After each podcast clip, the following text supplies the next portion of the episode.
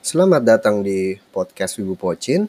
Kita bakal bahas One Piece chapter 940 Di mana di dalamnya gue bakal bahas misteri siapakah sebenarnya Tonoyasu Terus juga gue bakal membahas bagaimana potensi dari Luffy untuk menambah pasukan dalam melawan Kaido Dan yang terakhir gue bakal memberikan sedikit pelajaran tentang makanan manis dari Jepang yang sedang dimakan oleh Queen dan akan diperebutkan oleh Big Mom.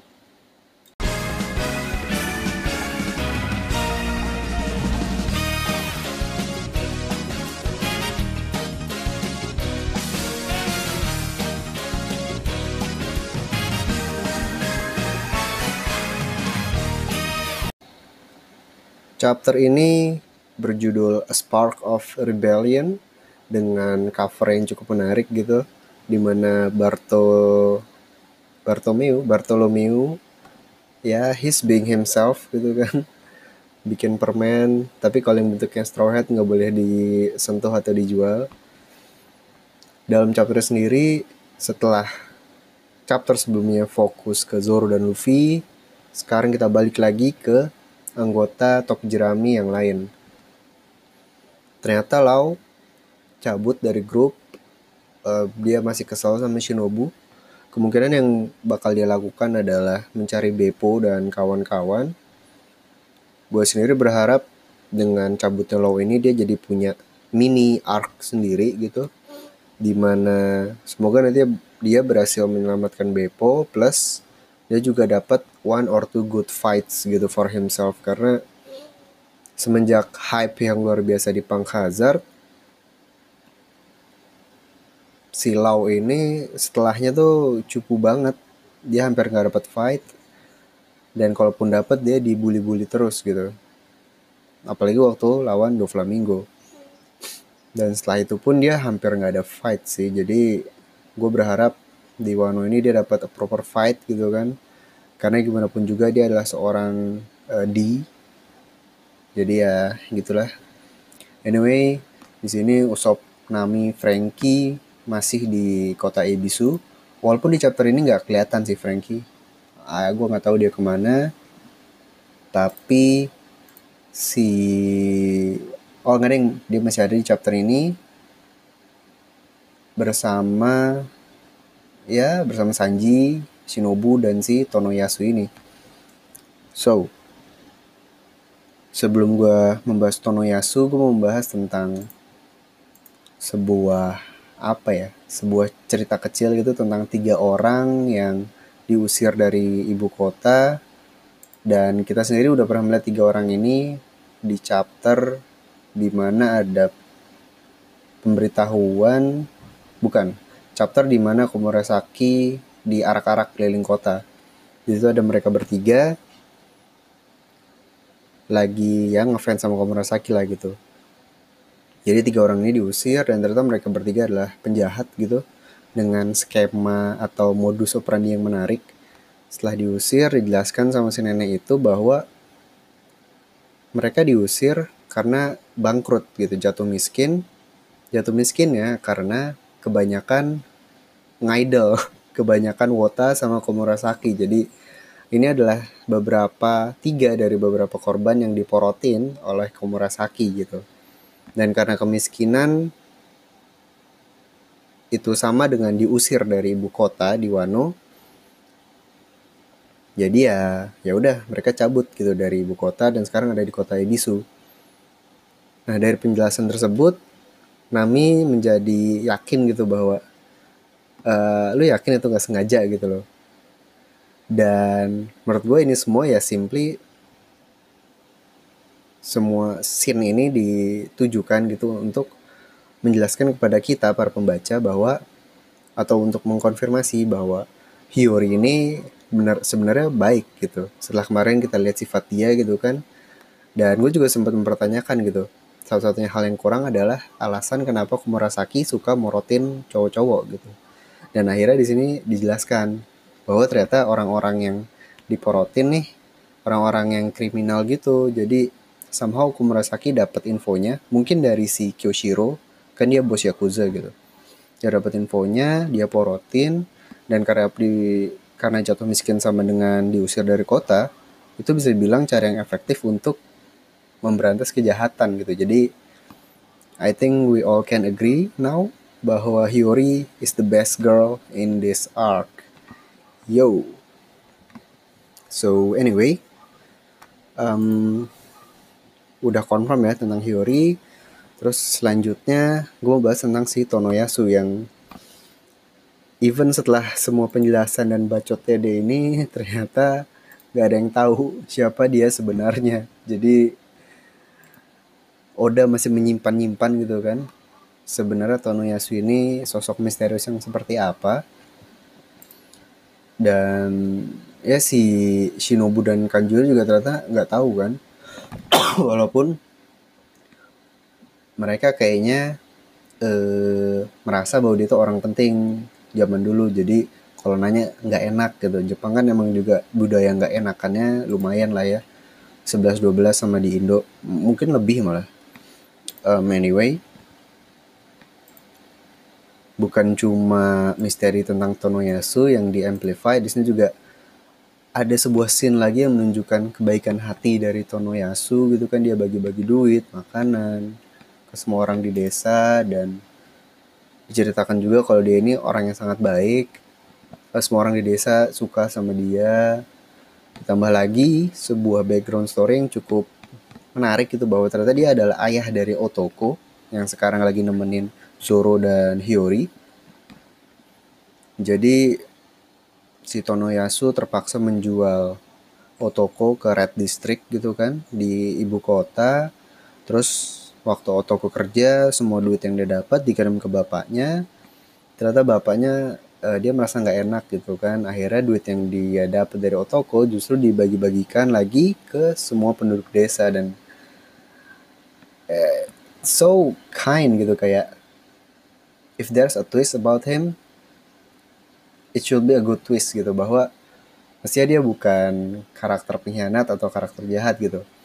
Uh, so far sih kalau menurut gue ya si Tonoyasu ini ya sebenarnya si Ushimitsu Kozo alias si uh, apa namanya Witching Our Boy alias si pencuri legendaris yang suka mencuri malam-malam dan membagikan hasilnya ke orang yang membutuhkan. Soalnya cukup ya masuk akal aja karena di sini diperlihatkan dia bagi-bagi uang gitu kan. Dan mungkin duit dari Otoko kan nggak sebanyak itu ya jadi dia dapat ekstra dari mencuri itu mungkin. Um, ada juga teori kalau dia tuh sebenarnya uh, eh nggak jadi deh.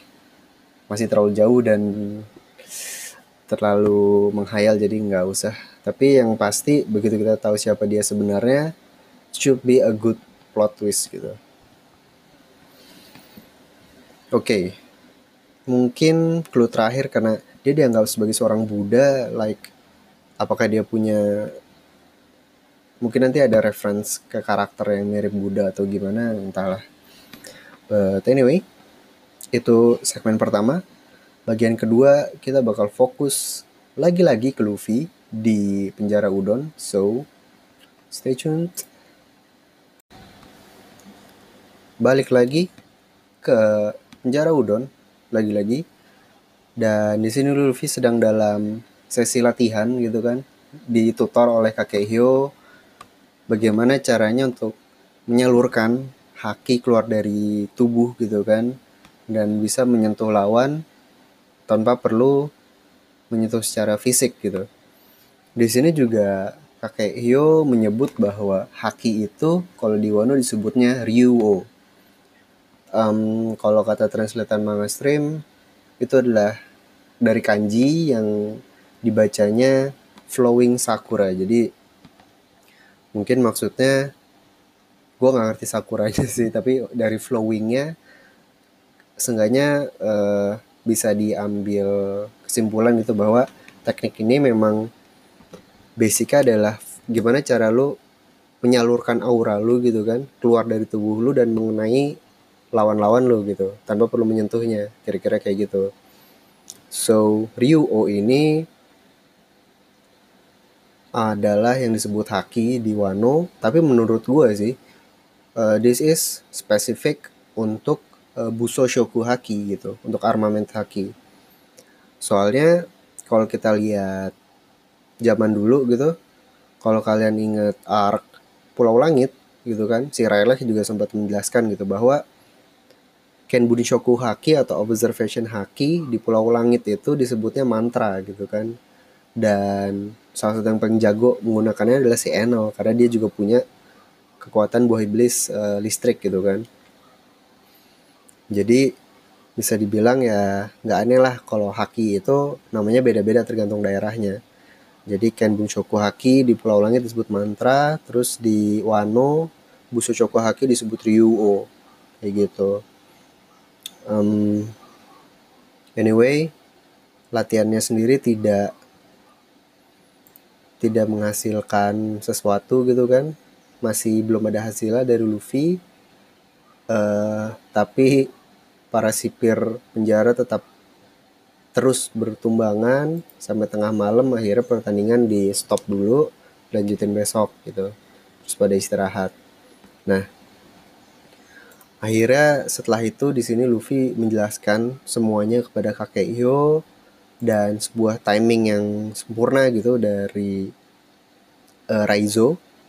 Karena dia datang juga dan akhirnya dia the make the gear clock gitu for old man Hyo. Akhirnya dia ngerti semuanya kenapa ada Luffy kenapa ada Raizo dan apa yang sedang mereka coba lakukan gitu.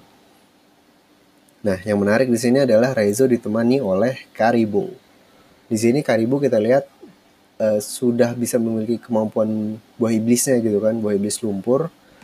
Dia bisa menyembunyikan Raizo yang segede gaban itu di dalam tubuhnya kan. Yang berarti kunci borgol yang Raizo temukan itu bukan punya Kawamatsu dan bukan juga punya Kit yang udah banyak diteorikan orang-orang apalagi gue gitu um, ini berarti kita nggak tahu Kit berada di mana dan uh, ini artinya Karibu sudah bebas untuk menggunakan kemampuan buah iblis ya. Jadi he could be useful gitu kan tapi knowing him ya begitulah. Nah setelah semua penjelasan itu akhirnya kakek Hyo setuju untuk bergabung dengan Luffy dan kawan-kawan. Dan seperti yang sudah di foreshadowing berchapter-chapter lalu si kakek Hyo ini memang figur yang sangat penting kan. Jadi this is a big boost gitu untuk aliansi Luffy gitu. Nah ngomong-ngomong join ada satu lagi yang ikutan yaitu Karibo.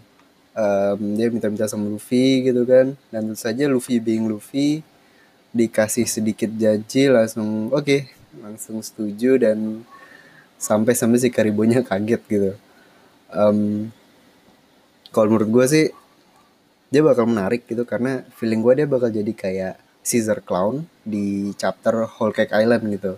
Dan Dressrosa juga. Jadi kayak karakter jahat yang yang cuma buat jadi bully-bullyan aja buat bercandaan gitu. Seperti yang kita lihat waktu di Whole Cake Caesar Clown is amazing sebagai Gastino gitu kan kocak banget. Uh, walaupun dia punya kelebihan juga gitu jadi menurut gue Karibo bakal cukup membantu dan menghibur kita juga. Cuman jangan jangan lupa gitu. Jangan membuat ini terdik membuat kalian uh, terdistraksi gitu dari fakta bahwa Karibo adalah satu dari sedikit orang yang tahu bahwa Shirahoshi adalah senjata kuno Poseidon. Camkan itu balik lagi ke kakek Hugh, ternyata dia punya informasi yang sangat menarik bahwa penjara Udon itu cuma satu dari lima kompleks penjara besar gitu di Udon. Jadi ada empat penjara besar lain dan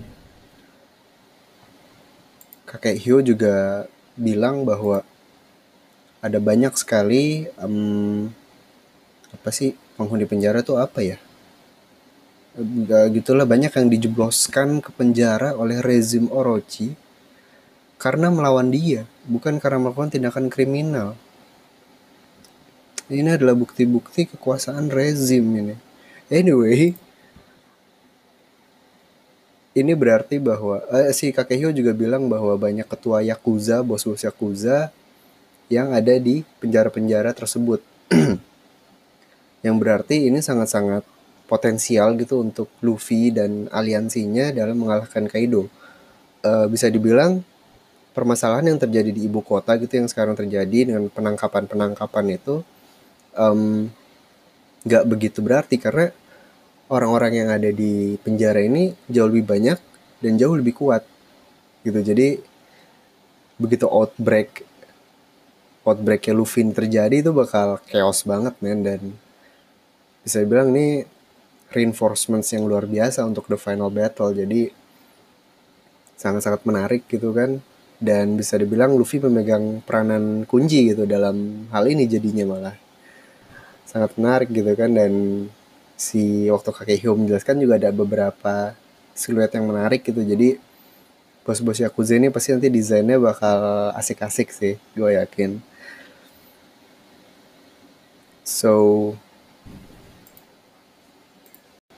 one last thing from this chapter yang tidak nampak seperti reveal yang besar gitu tapi tetap saja ini merupakan hal yang sangat menarik karena Olin Chopper dan Okiku serta Momonosuke makin mendekati Udon. Jadi kalau kata Okiku udah nyampe dan dari panelnya sendiri kelihatan dari apa ya point of view-nya Olin dan lain-lain gedung-gedung penjara itu udah kelihatan. Jadi dalam hari keduanya Luffy bertarung ini sangat-sangat mungkin direcokin sama Olin gitu dan ini ini ini hype banget loh.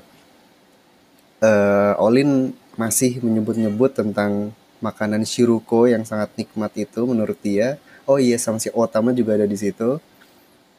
Dan kalau kalian perhatikan tiga chapter belakangan ini di mana ada si Queen, kalian akan lihat dia tuh lagi makan. Nah itulah Shiruko yang dimaksud. Karena Queen, Queen bilang kan dia bawa banyak banget ke penjara buat stok dia makan karena dia sangat suka sama makanan itu gitu dan tentu saja itu uh, tidak lain tidak bukan sebuah bom waktu yang akan meledak gitu karena nantinya kita akan melihat perebutan Shiruko perebutan Shiruko antara Olin dan Queen jadi hype untuk Queen versus Lin Lin nih alias Big Mom sangat-sangat besar dan nyata coy. So timing yang sempurna dan Shuroko Bowl is drawing closer. The hype is real. Um, seperti halnya Super Bowl atau Clegane Bowl di Game of Thrones. Di sini ada Shuroko Bowl yang tidak kalah seru gitu kan. So ya, yeah. that's it. Chapter 940 nggak ada break.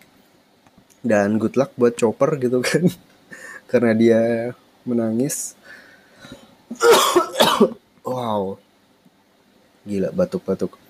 But anyway, mari kita tutup podcast kali ini dengan sebuah materi kebudayaan Jepang gitu.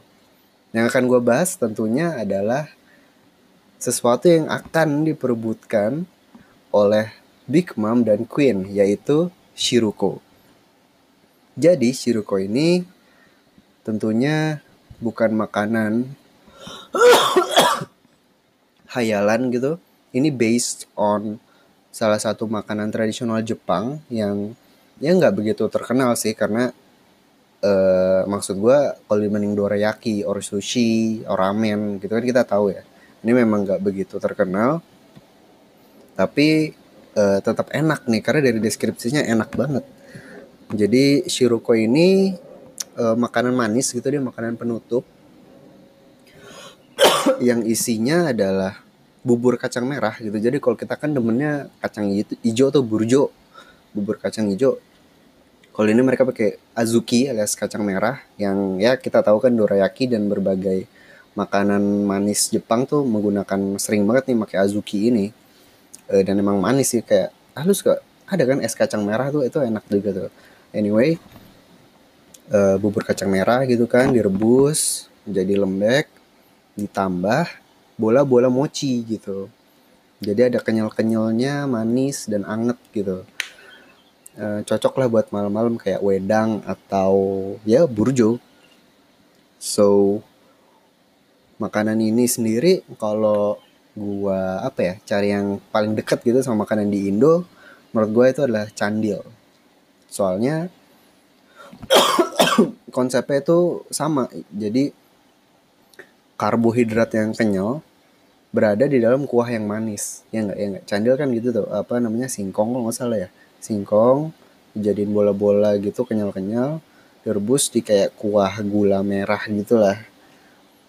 Gitu sih jadi kayak ya cocok lah buat hidangan buka puasa bentar lagi puasa kan. So anyway itu adalah sedikit um, info gitu tentang Shiroko.